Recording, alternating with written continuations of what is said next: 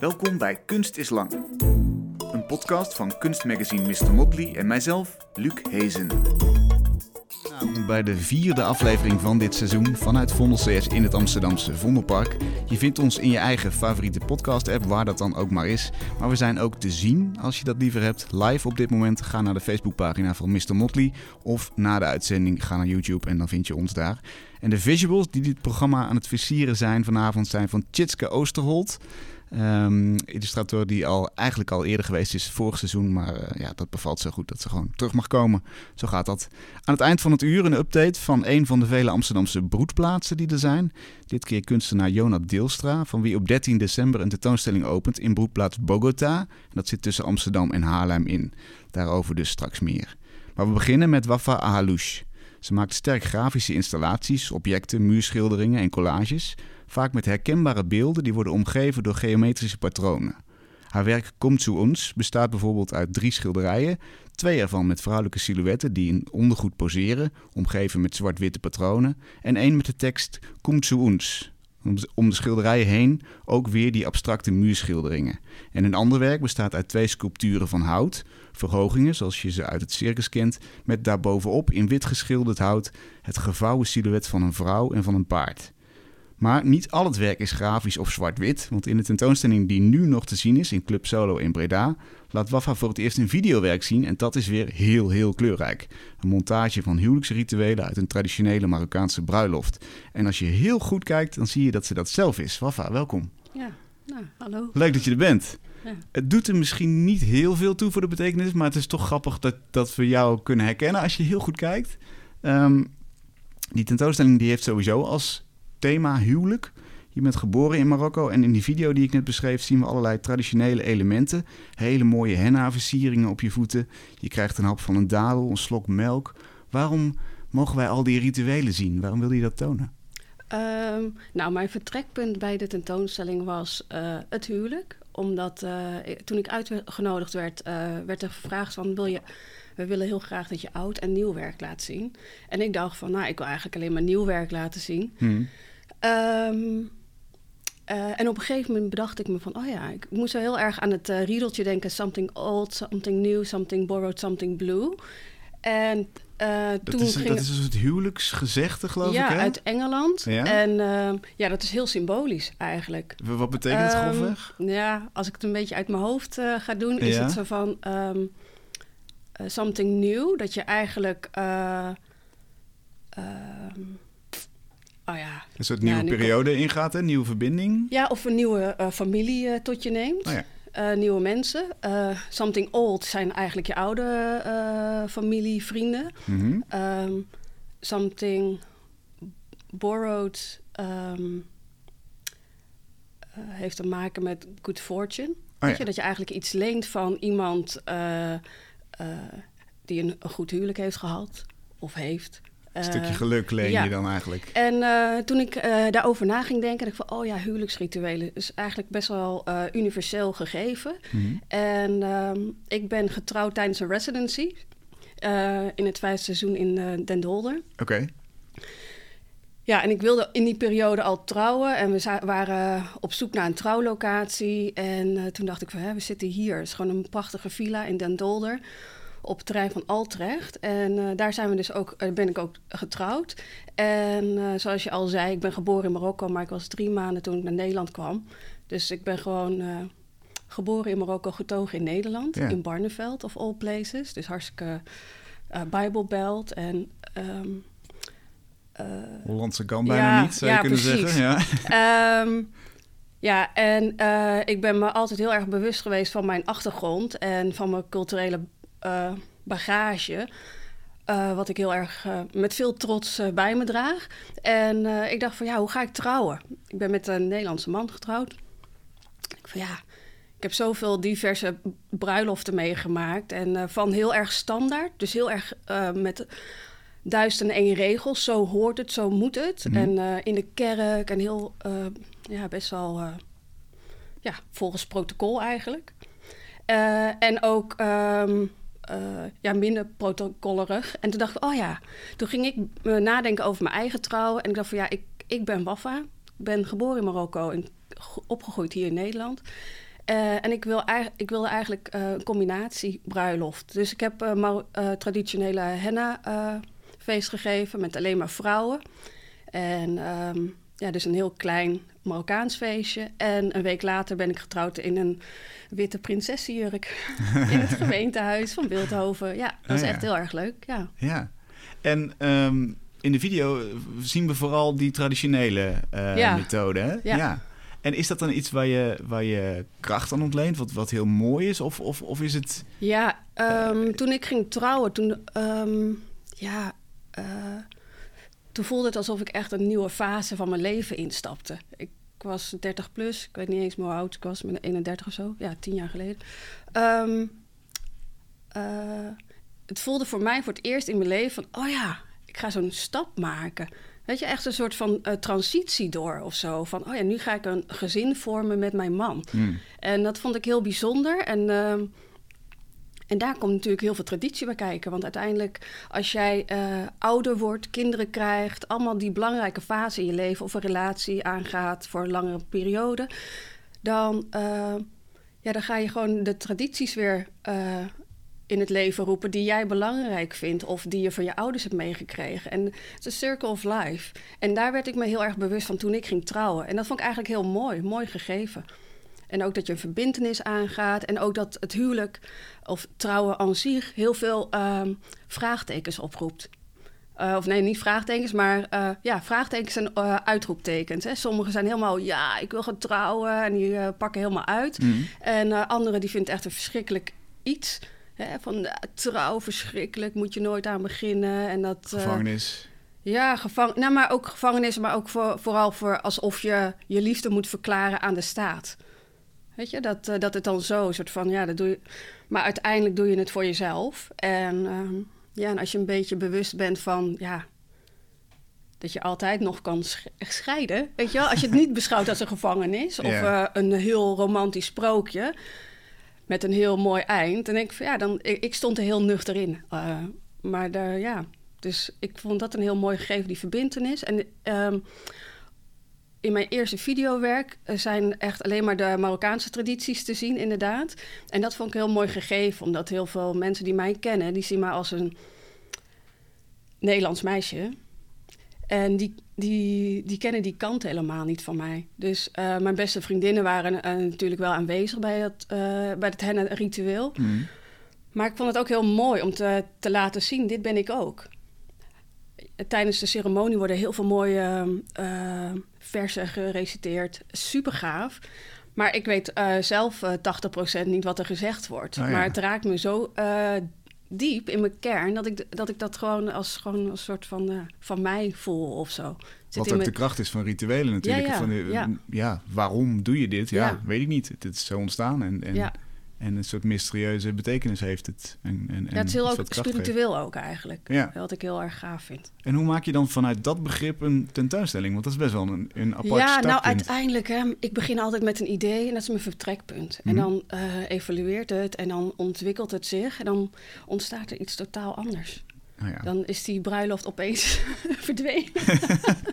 en dat is dan heel, ja, weet je, en dat, het meest uh, aanwezige van het trouwen zelf uh, is nog in, in het videowerk, inderdaad, de ceremonie. Maar voor de rest ehm, gaat het heel erg over cultuur, traditie, uh, man-vrouw relatie, Mhm. positie van de vrouw. En ja, dat, zijn eigenlijk, dat is eigenlijk een rode draad door mijn hele oeuvre. ja. ja, zeker. Dus het kwam gewoon weer op neer ja, dat ik mijn werk aan het ontwikkelen was. ja. Met een heel mooi vertrekpunt, wat gewoon heel, uh, uh, ja, wat me heel erg dierbaar is. En uh, het element show zit er ook heel erg in. Ja. Het huwelijk als show die je opvoert eigenlijk. Dat hoort bij, bijna bij alle rituelen, denk ik. Maar ook op andere werken is dat van toepassing. Dus de filmposters die je hebt bewerkt. Uh, maar ook die houten silhouetten van een paard en een vrouw, hè, die ik al, uh, al aanstipte. Gevouwen en op zo'n soort verhogingje met de beeldtaal van een circus act eigenlijk. Maar ook plat en hol en niet de verleidelijke illusie die bij het circus hoort. Is, is het huwelijk ook in dat rijtje te plaatsen? Een soort van verleidelijke illusie die misschien uh, meer show is dan, dan, dan waarde heeft? Of? Het huwelijk? Ja. Het huwelijk zelf ik of het, het, het trouwfeest? Uh, het huwelijk zelf misschien. Ik ging mm. ineens, als je het, het huwelijk gelijkstelt aan een circus, dacht ik ineens, oh, ja, dat is een interessante manier om naar te kijken. Ja, je moet elkaar blijven verleiden en elkaar lief hebben. en misschien is het achter de coulissen wel helemaal niet zo leuk. Ja, dat kan hè. Mhm. Ehm, en The Show Must Go On is ook een titel van een werk van mij geweest. eigenlijk, uh, uh, ja, als je, kijk, als je het geluk hebt, dan groei je samen in een huwelijk. want als je stilstaat, als je altijd de persoon blijft die je was, dan, uh, dan kunnen er problemen ontstaan. Maar als je um, het geluk hebt gevonden dat je alle twee samen elkaars. Um, um, manier van in het leven staan waardeert en respecteert en apprecieert. Ik denk van ja, wauw, weet je dan kan je samen groot worden. En dat is het mooie, mooie van een huwelijk, dat je verbindenis aangaat in de zin van dat je ja hebt gezegd. En heel cliché, in voor- en tegenspoed. Dus uh, het hoort erbij. Maar ik weet niet of dat zo uh, duidelijk gelinkt kan worden aan het circus als entertainment. Ik denk van nee. Ik denk dat ik het nee, cynisch heb opgevat. Ja, ja zal weer. ja. Dus, uh, ik weer. nou, het gaat meer op, op het, het, trouwfeest. Hmm. Hè, als jij gaat trouwen of een kind krijgt, nou, dan kom je in hele nieuwe werelden terecht. Hè? Van de commercie en commercie en ehm, alles ineens drie keer zo duur als je zegt dat ja, het om joh, witte schoenen. Nou, uh, paam, weet je wel. Hmm. Prijzen gaan omhoog. Maar tegenwoordig is dat een, uh, gelukkig een beetje normaal geworden. Kan je nog een redelijk betaalbare witte jurk vinden. Maar het is gewoon belachelijk hoe uh, mensen zich gek maken. En ik denk van, oh ja, als het daarom gaat... Weet je, als je de trouwrituelen in Amerika bijvoorbeeld weet of kent... dat je dan een, een ja, maar ja, het heeft allemaal niks met mijn werk te maken. ja, laten we eens inzoomen op een, op een ander werk. Ja. Waar wel veel van de kenmerken van jouw werk in zit. Komt zu ons, heb ik al, uh, al even aangehaald. Hè? Dus twee schilderijen met erop de contouren van vrouwen. Verleidelijke poses, maar het zijn ook lege hulzen. Ze zijn niet ingevuld. En op een ander schilderij, uh, ja, daar staat dan uh, die tekst... op, um, hoe zeg ik het, op vaandels eigenlijk geschreven. Met de contouren van vaandels erachter misschien eerst beginnen met het feit dat het echt een dubbelzinnige boodschap is. Wat volgens mij ook in heel veel van jouw werken zit. Mhm. Dus eigenlijk verleidelijk. Ik dacht ook aan de sirene uit de, de Odyssee, hè? Die, die, die mannen lokken en schepen richting de klippen. Maar ook, je kunt ook zien dat het uitgebuite vrouwen zijn die, die, hè, die alleen maar om een buitenkant tellen. Ja. Moet die dubbelheid erin zitten in jouw werk? Ja, die zitten uh, meestal wel in, ja. Omdat ik uh, qua thematieken... Um, zijn het thema's die zwaar beladen zijn. En die ik naar het hier en nu wil halen eigenlijk. Wil, um... Want wat, wat zou hier het thema zijn? Nou, uh, is... Um, ja. um, nou, dit werk is... Uh, dit was te zien in, in Garage Rotterdam. En uh, het was eigenlijk oud werk met iets nieuws heb ik eraan toegevoegd. Dat was de, dat was de muurschildering. En het was een onderdeel van... Uh, een periode van mij, tien jaar geleden, heb ik in Kunstlerhaus Betanië gezeten in Berlijn. En ik ging daarheen, ik mocht daarheen uh, vanuit het uh, Fonds BKVB toen de tijd. Een jaar lang onderzoek doen. En mijn onderzoeksthematiek was um, het goede evil meets innocence. Dus waar, um, waar raakt dat elkaar? En toen moest ik heel erg denken aan um, de, ik was bezig met uh, padvinderij, mhm. omdat ik daar een bepaalde hiërarchie in vond. En ook uh, uh, een religieuze ondertoon zit er altijd in. Mm mannen, vrouwen gescheiden. Dus vanuit die padvinderij kwam ik aan die Hitlerjugend. Omdat ik dacht van, oh ja, in de recent um, Europese geschiedenis... wat is het meest heftige wat er is gebeurd? Hè, waar heel veel mensen naar refereren. Um, en... Um, en niet echt goed beseffen dat er nu allemaal oorlogen plaatsvinden. Weet je wel? Dus ik, ik, ik zat een beetje met die frustratie. Dat, uh, dat de Joegoslavië-oorlog in de jaren negentig uh, net achter de rug was. En uh, ja, het hele Srebrenica gebeuren. Toen dacht ik van, nou, oké, okay, uh, het uber-evil was, waren de nazi's. Hmm. Dus ik ging naar, de, um, naar Berlijn toe om daar onderzoek te doen. Dus ik heb heel veel dingen gezien en... Um, onderzocht, uh, veel documentaires bekeken. En toen dacht ik echt van, oh, weet je wat, zo heftig om helemaal in te duiken. Want het is echt uh, één grote ellende natuurlijk. Ja. En opeens stuitte ik op een, een, een, kleiner verhaal binnen het hele grote gebeuren van de, van de Tweede Wereldoorlog. En het was uh, het verhaal van Salon Kitty. Dat is een hoerenhuis in, um, in de westkant van Berlijn Mhm. op het moment. Ja, westkant. Bij de Kurfürstendamm. Um, en die werd gerund door Kitty Smit. En dat was een Nederlandse hoerenmadam. Maar die, die wilde vluchten voor de Duitsers. Maar ze werd opgepakt aan de grens van Duitsland. En zij uh, moest voor de Duitsers gaan werken. Want uh, wat, wat wilde zij? Zij wilde eigenlijk de hoeren die daar werkten... wilde ze opleiden als spionage. ja, ze, ze moesten spionnen worden voor de nazi's. Want in dat hoerenhuis kwamen alle hoge officieren... de Italianen, de, Duitse, de Duitsers zelf... Mhm. En, uh, en Tinto Brass, uh, Italiaanse regisseur, die heeft in de jaren 60, 70 een, uh, een soft pornofilm erover gemaakt. En die is zo absurd. En ik dacht van ja, de, de waanzin straalt er vanaf. Mm. En um, de rol van de vrouwen. Weet je wel, de, de, de macht van de verleiding. En um, de openingsscène van, van de film is ook um, een vrouw, een travestiet eigenlijk, die zingt. Die dan. Zingt. En dan de ene helft is een man en de andere helft is een vrouw. Eigenlijk, Stromae heeft ook een videoclip dat hij dat zo doet. Mhm. Heel, ja, heel tof, dat gender gebeuren. Um, en daarin vond ik eigenlijk van, oh ja, weet je, die nazi's die, die vertrouwden hun eigen mensen niet eens. Dus um, dat vond ik dan uh, zo kloppend met uh, ja, dat, die schuld en onschuld en ook uh, de hypocrisie van die nazi's dat ze de vrouwen eigenlijk beloonden om zoveel mogelijk kinderen te, te baren. Hè, Mhm. Om die, die nazi-rijk uh, groter te krijgen. En ondertussen werden die vrouwen moesten voor hun werken. Um, nou, dat was één stukje wat, wat ik, wat ik had ontdekt in Berlijn. En daarnaast was er in elke, in, elke maand in de stad Berlijn was er een ander circus. En dat viel me zo op. Het is een hele grote circuscultuur daar zo. Mhm. En ik was nog nooit in mijn leven in naar het circus geweest. Dus ik ging met mijn man um, gingen we naar het circus toe. En uh, ja, dat was een heel triest uh, familiecircusje. was eigenlijk bijna een soort van Fellini-film.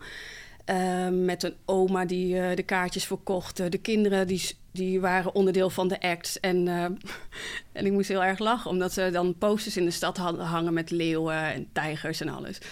Maar er werden stieren en honden opgevoerd, weet je. het was zo knullig allemaal. De B-acteurs van de, van de ja, dierenstal. echt. En het was, oh, maar het was zo mooi ook eigenlijk. Hè. Het is een soort van triestheid en het had een schoonheid in zich. En dacht van, oh ja, wauw. En toen vielen er alle puzzelstukjes samen. En dacht ik van, jeetje, ja, dit, dit wordt mijn uh, metaforisch podium eigenlijk. Van waar ik al mijn verhalen wil gaan vertellen. En uh, ik wil het heel graag met een, een bepaalde show en een beetje uh, nonchalance show brengen. Mhm. Dat je eigenlijk het, het publiek verleidt. En dan als je ze eenmaal hebt, dan, dan heb je ze. Weet je wel? Dus eigenlijk ook hoe um, een heel land of uh, stuk van de wereld uh, verleid wordt om op bepaalde mensen te gaan stemmen die hele rare, nare onzin aan het verkondigen zijn. En in die periode was uh, Geert Wilders kwam net op. Dus voor mij zijn dat allemaal linkjes die met elkaar te maken hebben. En, um, dus ja, de en, verleiding inzetten voor iets, iets duisters eigenlijk. ja, en dan zo verkopen alsof je iets heel geweldigs te verkopen hebt. Hè? Zo van, uh, ja, weet je wel, maar dan echt uh, het... Ja, ik, ik merkte gewoon eigenlijk dat er heel veel dingen aan het veranderen waren in, in Nederland. En, uh, en, en dat, dat hele verhaal komt dan in die drie schilderijen terecht, hè? Nou ja, Uh, ik had in dan uh? Komt zu ons, is eigenlijk letterlijk, was, kwam eigenlijk letterlijk van een Hitlerjugend poster af. Ah. Weet je wel, kom bij ons, gezellig, leuk. Ja. En, en die vrouwen, um, de verleidsters eigenlijk inderdaad. Hè? De, de soort van powervrouwen, mooie lichaam. Want ik vind vrouwen heel erg krachtig en mooi om naar te kijken. Mm. Um, maar ook tegelijkertijd uh, worden ze daar een soort van uitgebuit hè, door de nazi's. Maar als je het uh, werk zo zonder uh, context, context ziet, dan, dan kan ja. je het heel luchtig lezen. Hè? Ja. Van, oh ja, mooie vrouwen. En ik vind dat ook wel leuk om da daarmee te spelen. Ja. Gewoon luchtigheid en ja, het leven is al zwaar genoeg. Hmm.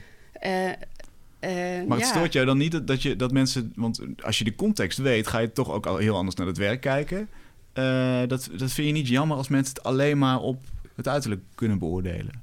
Nee, ik maak heel vaak werken in series. En uh, als ik het tentoonstel, ja, er zit er vaak wel een zaaltekst. Of ik, er wordt altijd wel een beetje context gegeven. Hmm. Want maar, in Rotterdam heb ik dit verhaal geloof ik niet ge ge nee? gelezen. Oh. Maar, heb je de iPad uh, gehad? ja. Oh, ja. Oh, ja. Maar daar heb ik misschien niet goed opgelet. Hey, en die, en die zwart-witte beeldtaal. Want dat is iets wat heel oh, veel... Ja.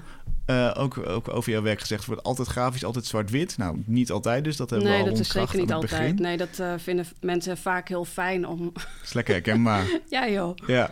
ja wat maar... doe je nou? Uh, kleur, weet je wel? Denk ik, ja.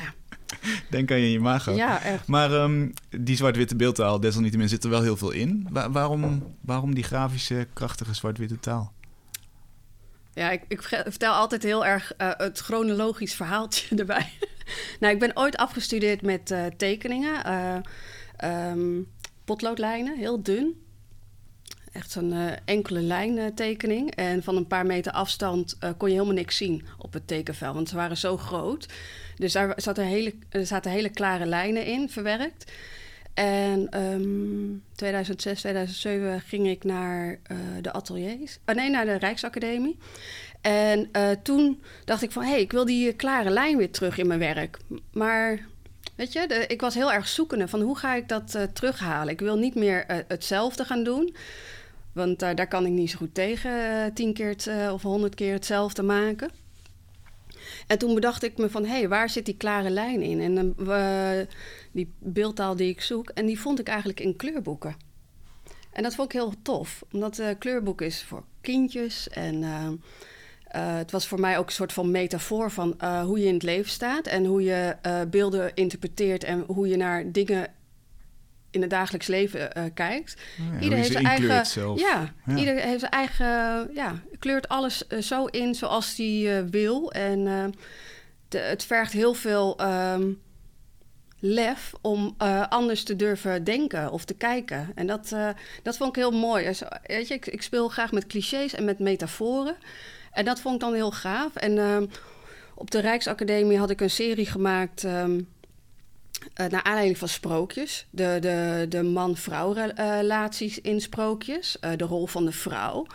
Uh, dat ze dan wakker gekust moet worden door de prins. Ik vond het echt, ja, ik vind het heel vervelend. En ik had ook de relatie met Adam en Eva gelegd. Van, oh ja, Eva heeft van een appel gegeten. Oh jee, weet je wel. Wij vrouwen hebben het weer gedaan. Ik mm. denk, oh my god, dit wil ik anders. laten we even de rollen omdraaien. En hoe zou... Um, hoe zouden de verhalen dan aflopen? Dus uh, ja, dus vandaar die klare lijn. En in, in uh, Berlijn um, ging ik heel erg. Uh, zette ik dat zwart-witte heel erg door, omdat ik dat heel duidelijk vond. En ik vond het ook heel mooi om in, in een soort van. Um, film noir-achtige setting te plaatsen. Dat mm -hmm. het een soort van tijdloos, tijdlo, tijdloos wordt. Dat is het dan weer niet, maar uh, ja, het is wel heel helder en duidelijk, waar, uh, waardoor alles evenveel waarde krijgt. Ik hoorde laatst iemand uh, zeggen van ja, ik vind het zo makkelijk dat zwart-witte. Ik denk van ja, weet je, dat is ook heel makkelijk gezegd. Als wat, je dat wat zo was vindt. Er, wat was er dan makkelijk aan of waarom? Uh, nou ja, omdat zijn? het dan, omdat het dan heel spreken, altijd wel heel, heel erg spreekt. Dat zwart-wit en grijs. En met kleurwerken, ja, we, het is toch misschien iets lastiger om een soort van balans of een compositie in te krijgen. Maar, de, maar ik, vond het, ik vond het wel heel uh, geestig om uh, te horen. Ik denk Ja. van ja, ieder zijn dingen. In de trailer voor de tentoonstelling hoor ik je zeggen... wij leren eigenlijk weinig van de geschiedenis... Ja. en de vooruitgang die is beperkt tot een bepaald deel van de wereld. Wat uh, is dat, dat is, lijkt me nog zo'n thema wat, er, wat erin zit... of misschien ook weer een startpunt. Kun je dat eens uitleggen? Ja, nou. Um, er lijkt vooruitgang te zijn hè, qua uh, wetenschap en technologie. Maar als je goed kijkt, dan uh, wordt, uh, worden de oorlogen en minder bedeelden worden in stand gehouden doordat het Westen of de, de rijkere landen de dingen doen zoals ze doen, waardoor dat, uh, die achterstand nooit ingehaald kan worden. Hmm. Dus uh, dat vind ik heel erg problematisch. Weet je, en mensen die dan opgroeien hier in het Westen, in Nederland, uh, al die voorzieningen. Men beseft dus niet dat er gewoon in twee derde van de wereld gewoon armoede heerst. En dat er geen voorzieningen zijn. En dat een vrouw bijna moet gaan trouwen om zichzelf te, te onderhouden of uh, geld te kunnen genereren. Om kindjes uh, eten te kunnen geven. Yeah. Snap je? Dus al die misstanden. Ik vind het, um, ja, als je volgens mij hebben 820 miljoen mensen honger echt honger. Dan denk ik van ja. Dus onze vooruitgang gaat ten koste van die van mensen? Van heel veel mensen, ja. En ook, ik hoorde laatst, uh, hadden ze dan een onderzoekje gedaan onder jongeren. Dat ze best wel hoopvol naar de toekomst kijken. Maar er was ook één, uh, iemand die was een beetje pessimistisch. Van, oh ja, als, wij moeten zo op het milieu gaan letten. Maar ja, die mensen in de derde wereldlanden... ja, die mogen ook maar even wat gaan doen. Hmm. Terwijl die mensen daar in de derde wereldlanden allemaal shit produceren die wij graag kopen voor heel weinig. Weet je wel? En dan denk ik van ja, kom op, vertel dan wel het hele verhaal. En dan, Mhm. weet je, men staart zich blind, hè? alsof wij niet iets, een stapje terug kunnen doen. Hè? Je moet toch ergens beginnen, maar dan gelijk de schuld uh, geven aan van ja, die, die mensen en zus en zo. En ook oorlogen, vluchtelingen. Joh, echt, hou op, schij uit. Ik kan uren doorgaan hierover. Maar hoe, Ja. hoe, hoe belandt dat hoe verwerk je dat tot kunst? Want dat is nou, dat is heel lastig. En daarom, doe ik, eh, daarom probeer ik eigenlijk zo heel subtiel qua titels, eh, qua thema's. Eh, ik merk gewoon dat ik het altijd wel heel dicht bij mezelf moet houden. Anders verlies ik me in hele grote thema's. Ik ben geen wetenschapper. Ik ben geen intellect eh, op de een of andere manier, weet je wel. Van dat ik heel specifiek over bepaalde onderwerpen heel veel weet. Mhm. Maar ik ben een, eh, gewoon een ge- gevoelsmens. Ik constateer dingen. Ik heb een dubbele bagage mee. eh, Want wat is dan het, het risico? Is, is het risico dan dat je in clichés gaat praten of zo? Of dat je... Nee, ik hou heel erg van clichés. Maar ik denk van ja, ehm, eh, ik kom toch eh, tot de conclusie dat oh ja, de rol van een vrouw in, in eh, maatschappij of in verhaallijnen of. weet je, dan, dan zoek ik het heel specifiek op bij bepaalde dingen. Dus ehm, ja, ik, ik, ik praat heel veel en ik vertel heel veel eroverheen en bijzaken of context wil ik geven aan, aan mijn werk. Maar ehm, ja, het, het, als je mijn werk zo achter elkaar zet, dan zie, zie je wel gewoon eh, heel politiek geëngageerd beladen werk, maar heel luchtig en eh, ehm, ja, clichématig misschien wel soms. eh. Ik vind het zo grappig dat je zegt, ik hou van clichés. Ja, Want ja, de ja. meeste mensen haten clichés. ja, ja. Hoe kan dat dan? Nou ja, maar kijk, het gebruik van clichés, ehm, dat is eigenlijk de kunst, hè? Want je kunt cliché inzetten, maar ja, het werkt niet als je er niet bewust van bent, denk ik dan. Ik geef, Geef, ook, geef een voorbeeld. ik geef ook lessen, ik heb met jonge mensen te maken. En dan denk ik van, oh ja, dan zie ik dan echt wel dingen gebeuren. En ik van, oh ja, oh, cliché. Weet je, terwijl ik dan te- tegelijkertijd zeg, oh, I love clichés, weet Ja. je wel. Maar, Maar, ge- dat, maar geef eens een voorbeeld waaruit blijkt van, eh, dat, dat, de, ehm, dat clichés ook goed kunnen werken of lekker kunnen zijn. Of, of... Nou, eh, het spro een sprookjesverhaal, Oh ja.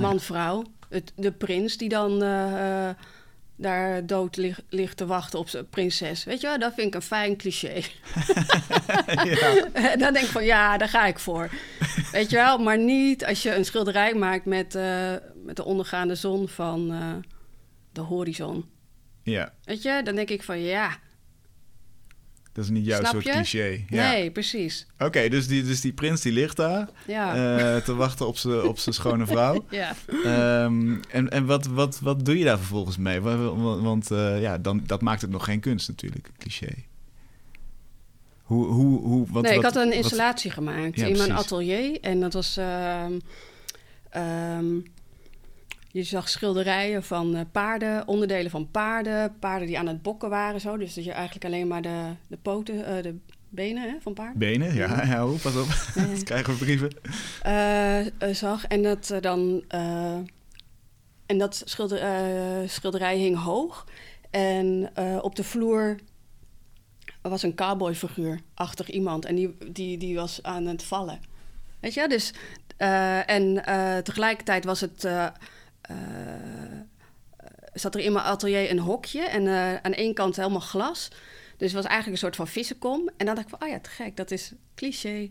Uh, die zilveren, uh, de, de, de doorzichtige kist waar de prinses dan normaliter ligt. Ja. En daarin had ik dan een prins geplaatst met een oversized reuze damesvoet met een hakje. En dan ja, echt gewoon ja, een beetje spannend en een beetje van, hè, waar, waar kijk ik naar? Een soort van uh, een levensgrote kijkdoos was het eigenlijk. Je kon er doorheen lopen en um, uh, voorstaan. Um, ja, dus uh, op zo'n manier ben ik een beetje aan het spelen met wat ziet te kijken. En ik had daar toen ook een hele mooie grote, zeg ik zelf, een muurschildering gemaakt met allemaal schilderijen ervoor. Mm -hmm. En er was dan een, een, een soort van sprookjeskasteel. En, um, en uh, houten wolken la, uh, waren tegen de schilderijen aangezet. Waardoor mm -hmm. het eigenlijk zo, echt zo'n soort gelaagd werk werd. Maar je, je, je kon je niet, je, ja, je zag niks. Dus het was heel naar mijn idee was het best wel spannend. Hey, wat gebeurt daar in dat kasteel? Yeah. er was ook een schilderij van wachters. Dan zag je mannen alleen maar van... Uh, uh, niet hun hoofden, maar alleen maar hun lichamen... die dan daar stonden te wachten. En... Uh, een uh, sneeuwwitje met haar handen zo. Weet je, dus er waren uh, allemaal beeldelementen waar ik dan mee speel, die heel herkenbaar zijn. En tegelijkertijd een soort van nieuw verhaal vertellen. Maar misschien ook wel. Of vragen het... oproepen. Ja, precies. Want ja. misschien ook wel het fenomeen van sprookje überhaupt ontkrachten. Of, of, of, of de, de, hè, de, de illusie doorprikken. En zeggen van de meeste sprookjes zijn ook leeg. Nou, uh, de. de het leuke, uh, toen ik daarmee bezig was, uh, kwam ik pas. Uh, ik kwam tot de ontdekking dat sprookjes eigenlijk geschreven werden voor volwassenen vroeger. Die zaten vol geweld en, en seks. en dan denk ik, oh wauw, weet je wel. Maar die zijn dus omgeturnd naar een kinderlijke wereld. Oh, ja. En daar, daar zit dan ook weer die macht en onmacht en dat kinderlijke en of het volwassen leven, zit daar ook allemaal in gecombineerd. Dus vandaar dat ik die sprookjes gewoon heel erg aantrekkelijk vind. Ze omvatten eigenlijk het, het, de, de complexiteit van het leven, ja. maar dan op, op ja. echt uh, Ja, moraal niveau. van het verhaal, weet je wel? Ja. Dus van hoe gaan we met elkaar om? Ja. Ergens ook grappig dat die verhaalstructuren dus blijkbaar overleven door, door de geschiedenis heen. He, dat, dat, dat we daarop aanslaan, dat we dat herkennen ook door ja, generaties. Ja, dat het allemaal heel menselijk en universele uh, elementen bevatten. Ja. En het, het grappige is dat heel veel kunstenaars volgens mij daarvan weg willen blijven. Want die willen uniek zijn, die willen een, een eigen perspectief toevoegen. Terwijl jij ze omarmt eigenlijk. Ja, ik omarm ze en ik uh, breng ze met mijn perspectief natuurlijk. Ja. Hè? Ik, uh, ik heb ook een bepaalde invalshoek die ik kies. En uh, ik ben een vrouw en... Weet je, ik heb een bepaalde achtergrond, wat dingen meegemaakt in mijn, in mijn leven. Hmm. Dat neem ik allemaal mee. Dus ja. ja.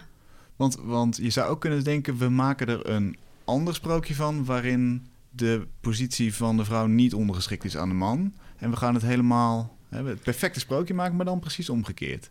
Maar dat is het ook niet. Ja, het maakt, ja het blijft nou kijk, dat sprookje, dat, was, dat zijn gewoon uh, die dingen die komen af en toe langs. En dat is uh, tien jaar geleden was het op de Rijksacademie heel erg aanwezig. En uh, bijvoorbeeld mijn nieuwe werk in de garage Rotterdam, wat wat niet lang geleden te zien was, ging heel erg over... Um, uh, uh, vrouwen, vrouwen in paradijs, vrouwen als groeps. Uh, um, hoe noem je dat?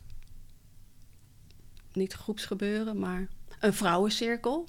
Hè, dus dan de mate ik ouder word, dan ga je ook anders over dingen nadenken en de kracht van vrouwen inzien. Dus daarin vertel ik heel erg. Um, ja, of probeer ik te laten zien. Phantom Paradise heet het ook. Mhm. Van, uh, dat het eigenlijk uh, hele krachtige wezens zijn die um, toegang hebben tot een heel ander universum.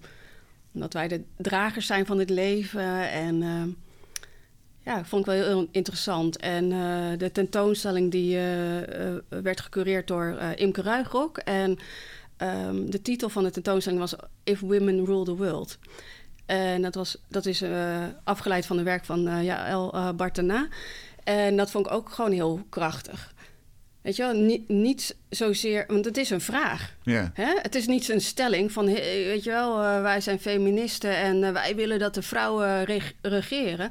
Maar uh, alleen maar nadenken over hoe zou dat zijn. ja, je kunt er donder op op zeggen dat het anders zou zijn. Ja. Weet je, dus dat vind ik gewoon heel interessant.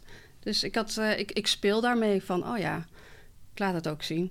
Ja, en, en, en er zit een stukje verbeelden van die dus het verkennen van die mogelijke optie in, het verbeelden van die optie, maar het, maar het is ook niet, uh, het ligt er niet te dik bovenop. Nee. Dat is weer die luchtige beeldtaal ja. die het moet zijn. Ja, ik probeer het een beetje open te houden. Ja.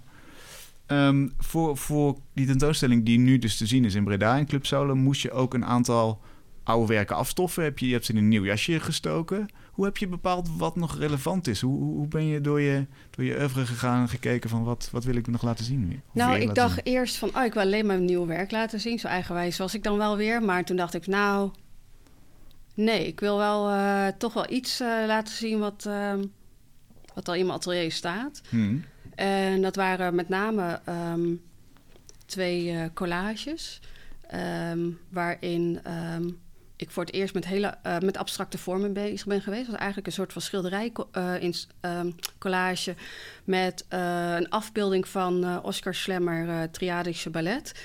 Um, en daar zit ook een soort van circuselement in of een paradeachtig iets, want ze houden vlaggen vast en en, is dat een soort Bauhaus-achtige ja. setting? Zo moet ik het ja. me voorstellen. Ja, die vorm. Ja, ja precies. Ja. Ook even voor de. Ja, oh ja, dat. Uh, ja, sinds Berlijn ben ik ook heel erg into de Bauhaus uh, oh gedoken. En dat, uh, dat omarm ik heel erg. En um, dat zie je ook wel bij een aantal werken. Ik heb een. Um, de, de grote beelden die er te zien zijn, zijn eigenlijk assemblages van verschillende projecten die ik heb gedaan. Ik ben een beetje een recycle artist geworden. nee. En waar zoek je dan naar om, om wat is het uh, uiteindelijk, uh, wat geeft de doorslag? Wat moet het hebben? Nou, ik ben uh, eigenlijk een soort van. Ehm, ik heb veel nieuwe werken gemaakt en het is heel recent. Dus weet je, dat hangt daar nu. En werk heeft natuurlijk altijd tijd nodig om over na te kunnen denken. Of van hé, hey, dat je het kunt plaatsen. Ja, en ik ben altijd een soort van last minute kunstenaar. Dus ik denk even, oh. Als in het maken moest last minute nou, gebeuren? Of hoe bedoel je last minute Ja, ik moet het druk voelen en uh, het voelt dan goed. En dan laat ik het zien, maar dan moet ik het nog over nadenken. Van, oh ja, wat heb ik nu eigenlijk gedaan? En uh, in verhouding tot hetgeen wat ik hiervoor deed. En, uh, maar ja, deze tentoonstelling laat eigenlijk zien dat ik een soort van collagekunstenaar ben. En uh, dat uit zich in uh, verschillende vormen eigenlijk. In echt letterlijk collages. Mm. Um, uh, die beelden die hier staan zijn eigenlijk collages, samengestelde beelden. En er wordt dan één beeld. Mm. Um, textielwerken voor het eerst... naar aanleiding van echte collages, gedrukt op stof... en dan weer een soort van vaandelachtige textielwerken van gemaakt... Um, de video is een collage van uh, elementen van de trouwerij uh, met een muurschildering. Dus ja, dat is een beetje. Ik weet niet eens meer wat de vraag was. Maar... De, de vraag is wat, wat, wanneer uh, verdiende het een plekje in de tentoonstelling inderdaad. Maar dus, dus ik hoorde je zeggen op een gegeven moment als het goed voelt. Ja. Dat is eigenlijk heel belangrijk. Ja, ja, ja. Ik had ook twee grote schilderijen gemaakt. En ja, die pasten eigenlijk niet. Terwijl iedereen me kent als van de schilderijen of tekeningen. 2D-werk vooral. Die heb ik dan heel bewust weggelaten en daar was ik heel tevreden over. Maar die komen nog wel hoor. Maar um, ja, in Niet die deze setting, setting, was het ja. zo van nee, dit, uh, dit is goed. Dus Ja. een enkele oude werken of uh, is ook een museum of conflict te zien. Die heb ik ook uh, tijdens mijn werkperiode op de Rijksacademie gemaakt. Maar die heb ik nu aangepast. Dus de onderstel is uh, weggehaald en er zitten nu uh, twee andere dingen onder. En uh, ik denk van, oh ja, dat past ook heel erg in, in deze tentoonstelling, omdat het bijna een bruidstaart lijkt. En voor mij was het een, een mentaal concept over toen de tijd toen ik het maakte van, oh ja, alles wat ik ga maken in de toekomst komt in mijn eigen museum terecht. Dus, en de, de, naam Museum of Conflict komt van de film Barbarella. Ja. Um, zij is een hele sterke, mooie, krachtige vrouw. En zij leeft dan in de film in een periode waar liefde overheerst. En um, in die film zie je ook um, ja, poppen die een soort van chuckies worden of zo. Ja, weet je, geweld en vrouwen en mannen. En er komt onheil aan. En uh, Barbarella krijgt de opdracht om de wereld te gaan redden. En, maar dan weet ze, ze is dan heel erg zo, oh, ik weet niet hoe. En dan krijgt ze de opdracht om naar de Museum of Conflict te gaan. Want daarin zijn wapens nog te zien waarmee conflicten uitgevochten werden. Ja, precies. Dus dat vond ik een heel mooi gegeven, weet je wel. Hoe utopisch is, is, is dat, hè? Dat idee van, oh ja, dat, er, dat men niet meer weet wat wapens zijn. En hoe realistisch dus? Want, want blijkbaar blijven er conflicten ook in een wereld die alleen maar liefde kent. Ja, maar dat is. Uh, uh, zij, zij woont in een galaxy, hè? Dus je krijgt invasions van buitenaf. Ja. Dus oh, dat is wel, dat is wel interessant. Het is de buitenwereld. Ja, die, ja, ja, die komt naar haar toe. Dus ja, um, denk ik van, oh ja, ik heb zo, zo vaak gedacht van... ja, al die conflicten in deze wereld... ik hoop dat er een keer aliens komen. Dat, Weet je? dat heb jij zelf gedacht? Ja, dat, heb ik, dat denk ik wel eens. van ja, wat, wat kan de, een mens wakker schudden? Of, oh ja, uh, oh, zo, ja, ja. Weet je, zo. Omdat je uh, united... Heel cliché allemaal, maar... Dat is jouw. Uh, dat, dat is mijn. Dat ja. denk van, oh ja, het zou helemaal niet verkeerd zijn als een paar echt hele grote UFO's komen waar je niet onderuit kan. Als gemeenschappelijke vijand. Ja, dat, dat, dat, al, mens, dat je mens bent en hmm. ja. Is er, is er als we naar de toekomst kijken iets, ehm, een bepaalde richting waar jouw werk op gaat? Want je, we hebben nu een video gezien die iets meer kleur bevat. Is dat een weg die je wil gaan inslaan? Um, of, of, of, nou, eh, vooral mijn collages en, oh uh, en muurschilderingen bevatten steeds meer kleur. Hmm. En dat vind ik heel spannend. Maar ik vind die combinatie ook heel erg goed werken. Dat, dat hele witte of zwart-wit met kleur. Weet je, dat je niet heel erg zwart-wit hoeft te denken of te kijken, maar een beetje kleur ja. kan geen kwaad. Nee, nee, ja, ik weet het niet. Maar ik, uh, nou, weet je, ik, ik zag laatst uh, op Facebook een, uh, een interview, heel kort, van 10 minuten met Laurie Anderson. Nou, echt, daar werd ik zo blij van. Kunstenares ook, hè? Ja. Um, en zij had het over vrijheid. Weet je, heel cliché ook, vrijheid. Hè? Op de kunstacademie uh, wil je dat iedereen vrijheid ervaart en vrij, zich vrij voelt. Maar als je als, als maker, als kunstenaar bezig bent, dan voel je de druk van buitenaf. Hè? De galeriehouders, uh, het succes. Dan, dan gebeurt er wat met je. Dus ik, heb, uh, ik weiger om, um, om in een hokje gestopt te worden, ten eerste. En ten tweede wil ik echt die vrijheid blijven voelen. En dat doe ik door gewoon de dingen te maken die ik wil maken. En uh, hopen dat het op de een of andere manier uh, gewaardeerd wordt of, of niet. Maar ja, eigenlijk zoiets simpels. Hoe zij dat verwoorden, vond ik echt super gaaf. Denk van ja, oh ja, dat dacht ik altijd al. Maar um, uh, ja, verkondig het maar. Weet je wel, aan mensen of. Nou ja, en, en breng het maar in de praktijk. Want, want hoe, ja. hoe voer je in praktijk waarin je niks aantrekt van andere mensen? Dat, dat is ook bijna niet te doen, toch? dat is misschien waar het verder gaat dan het cliché. Want ik, ik neem aan dat iedereen redelijk onderschrijft wat je, ja. wat je zegt. Dat inderdaad dat cliché weer, dat, dat ja, tuurlijk, ja, doe wat je wil. Dat is mooi. Ja, ja maar ik, ik heb wel ook uh, vriendinnen meegemaakt die onwijs succesvol waren. Echt mensen stonden in de rij om hun werken te kopen. Ja, wachtlijsten bij de galeriehouder. En die, en die het gewoon heel moeilijk vonden, terwijl ze jonge makers waren, om te veranderen. Omdat er bepaalde verwachtingen van ze... Uh, uh, werd, werd, werd gecreëerd. Hè? En ook vanuit de galeries en zo. En dat vond ik zo heftig. Ik krijg het daar heel erg benauwd van. En uh, ik vind het alleen maar bewonderenswaardig als, als kunstenaars dat doen. Yeah. Weet je, dan, in Nederland ben je tot je 35ste jong talent... en daarna ben je, ja, mag je met pensioen. maar niet heus. Weet je wel, en het is heel gek hè, hoe dat dan werkt. De marktwerking en de vrijheid die je echt ervaart...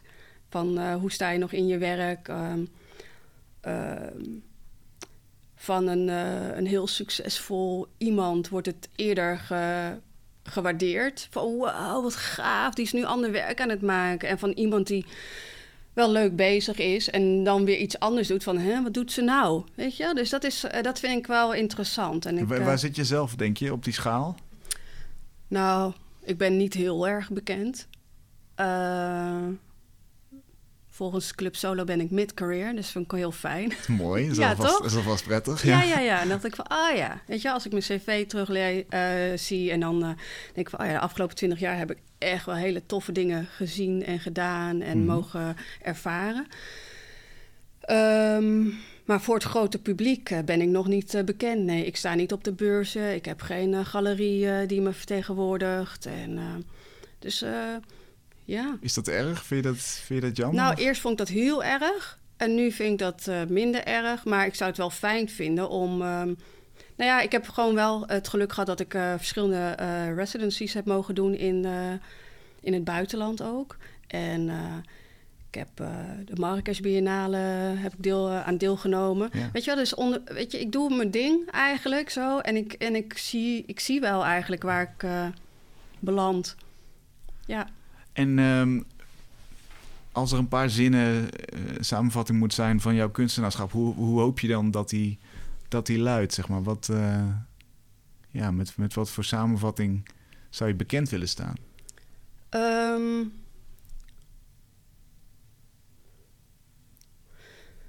ja, Waar streef je naar? Ja. Nou, ik streef eigenlijk. Uh, um, ik heb in een, uh, in een schilderijeninstallatie van mij een, uh, een tekst verwerkt van Martin Kippenberger. En, die, die, en dat luidt van put your eyes in your mouth. En dat vind ik een hele mooie. Weet je wel, van wat je ziet en wat je weet eigenlijk uh, benoem dat of werk daarmee. En dat vind ik een hele mooie eigenlijk. Van, oh ja, ik, ik, ik zie misstanden, ik zie ook de kracht van vrouwen.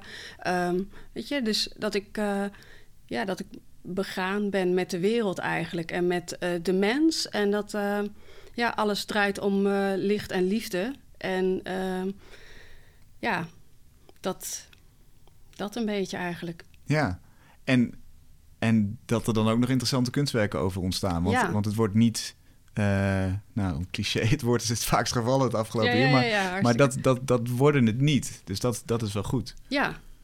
Nee, er zit wel inhoud achter. Hè? Dus ja, ik, het is niet lege, lege plaatjes maken of zo. Waar ben je nu mee bezig? Wat, wat gaan we binnenkort van je kunnen zien?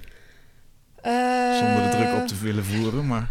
Ja, nou, dat wordt... Um, uh, een, greep uit mijn circusperiode en uit mijn buurtje. Want ja, ik ben bezig met, dat opent dan 12 december, de Bellamy-kabinet. En toevallig is dat in mijn straat. In Amsterdam-West, Oud-West. Een paar leegstaande vensters van woningbouwverenigingen. Daar wordt kunst in geprogrammeerd. Ja. En daar ga dus, jij daar je ga ik drie etalages vullen. Ja. ja. En, en hoe ga je dan met je buurtje aan de slag? Nou, oude foto's bekijken. Eigenlijk, ik woon er al een tijd.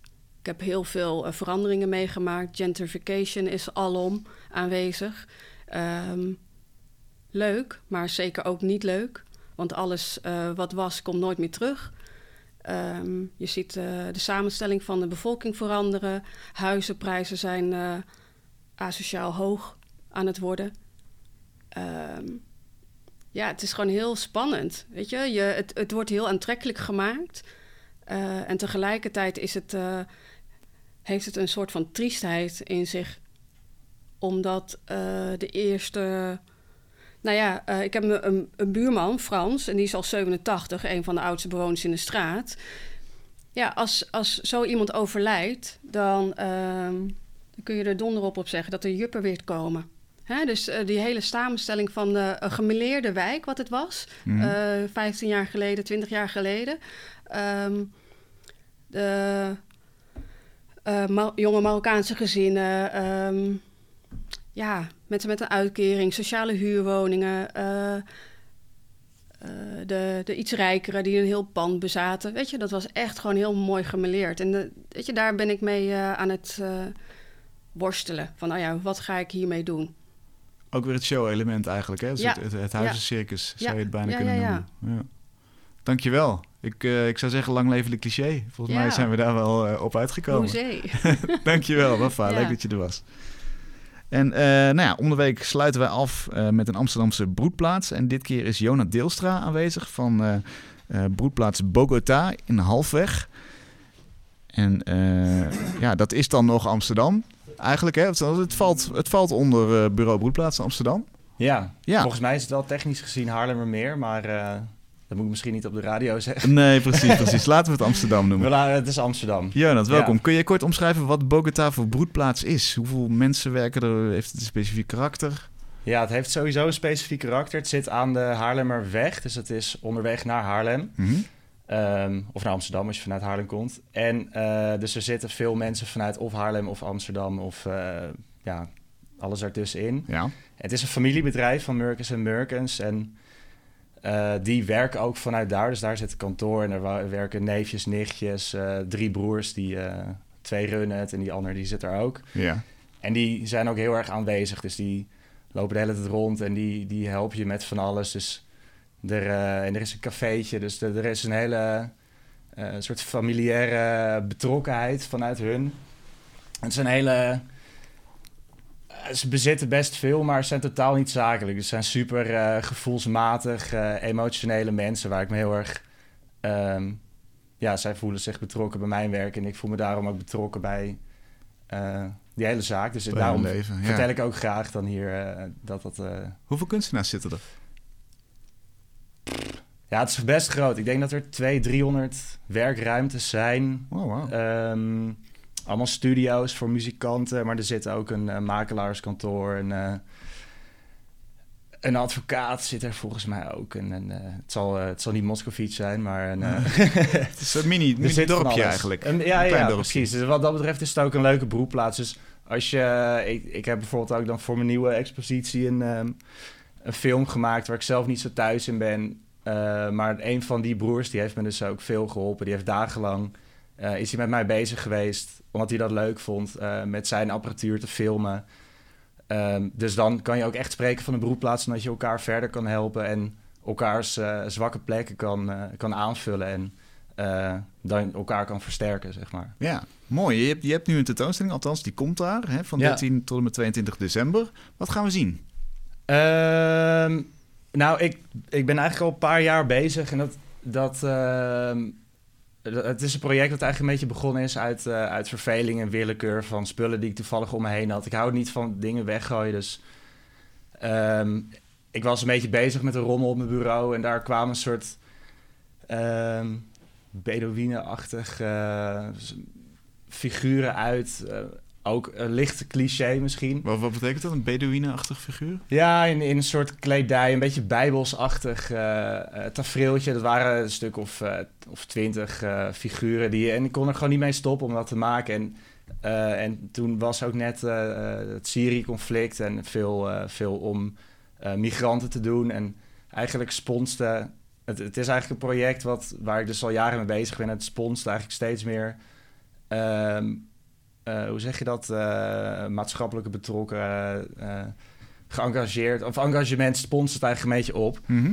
Ehm, en nou, dus dat, dat waren er eerst 20 en toen 50. En dat was in, in de residency die ik vanuit Murkens en Murkens eh, aangeboden heb gekregen.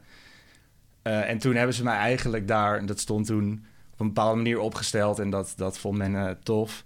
En zij ook. En, eh, en toen zeiden ze van, nou, we hebben een andere plek voor je.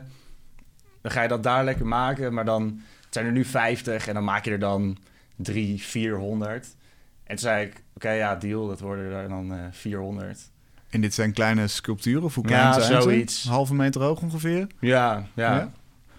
Ehm, dus, dus 400 Bedouinen gaan we Bedouinachtigen. ja, ja, en het zijn dus eigenlijk ehm, ehm, ja, migranten geworden die niet per se gekoppeld zijn aan een tijd. Dus er zit, eh, nou, dat zal ik straks nog wel meer vertellen, maar de, de, er zit, het is gemaakt van allerlei verschillende materialen.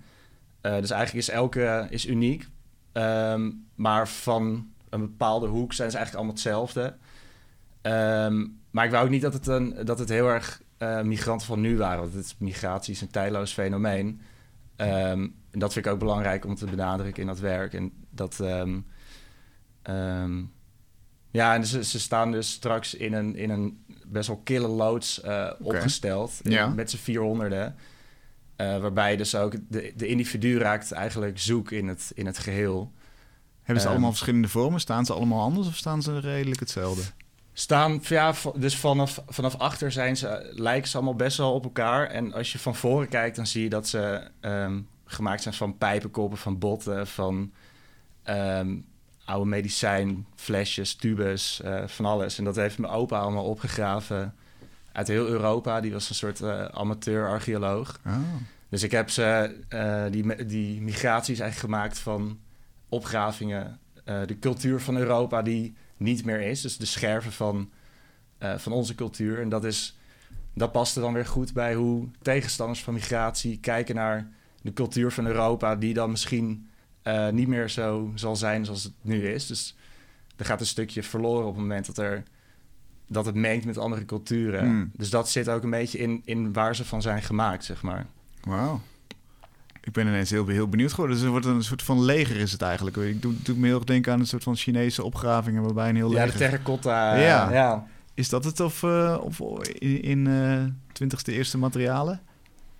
Nou ja, nee, het is echt 17e, 18e eeuwse materialen. ah, het is eigenlijk. nog ouder. Ja. Ja. ja, maar wel dan weer nu gemaakt. Maar ehm, ja, ja, nou ja, mensen vragen dan dus ook van waarom dan die 400. Maar ik vind het, als je dan de, de, de kranten leest of je kijkt documentaires over migratie, waarbij het dus over het, het groter geheel gaat, dan, dan wordt het best wel, dan lijkt een, een oplossing, dat, die lijkt dan super ver weg. En het lijkt een gigantisch probleem. En hoe begin je eraan? Terwijl ehm, een individueel verhaal daar dan in één keer is van... oh ja, mijn buurvrouw die is ook, eh, die is trouwens Irakees. En eh, eh, dat, dat verhaal herken ik wel. En ja, misschien dat ze wel bij mij een keer kan komen eten... en dan kan ik er Nederlands leren of zo, weet je. Dus, maar dan, dan sla je weer een of andere krant open... en dan is het... dan zie je het grotere, proble- het grotere fenomeen, laat ik het zo zeggen. En dan lijkt het dus weer een probleem. Ja. Eh, wat het misschien ook wel is, maar... Dus een individu willen we wel helpen en daar hebben we affiniteit mee, maar een grote groep, dat, dat willen we het liefst buiten de deur houden. Ja, nou, Even simpel gezegd. Ehm, ik zit daar zelf gewoon heel erg in een soort, eh, in een soort spagaat van... eh, dus het, het herkenbare en het, en het individuele verhaal, het gezicht. En daartegenover staat dan een statistiek. En dat beangstigt mij ook echt wel. Ja, Ehm, en dat, dat probeer ik met dat werk eigenlijk mensen daarmee te confronteren. Van die spagaat die slaat je heel erg dood in beslissingen die je maakt. Als Europese Unie bijvoorbeeld ook. Als je in een spagaat staat, dan weet je niet welke kant je op moet misschien. en blijf je stilstaan dus. Voilà. Vanaf eh 13 tot en met 22 december te zien in eh, Bogota. Ja, Leuk, dankjewel. Fijn Ja. dat je er was en het hebt uit willen leggen. Tot zover Kunst is Lang van deze week. Vind je ons programma leuk? Geef ons dan een positieve recensie op je podcast-app of vertel andere mensen erover. Dan kunnen we misschien weer meer publiek bereiken en dat zou natuurlijk heel leuk zijn. Volgende week zijn we er weer, zelfde tijd, zelfde plaats, met als gastfotograaf Kevin Osepa. Heel graag, tot volgende week.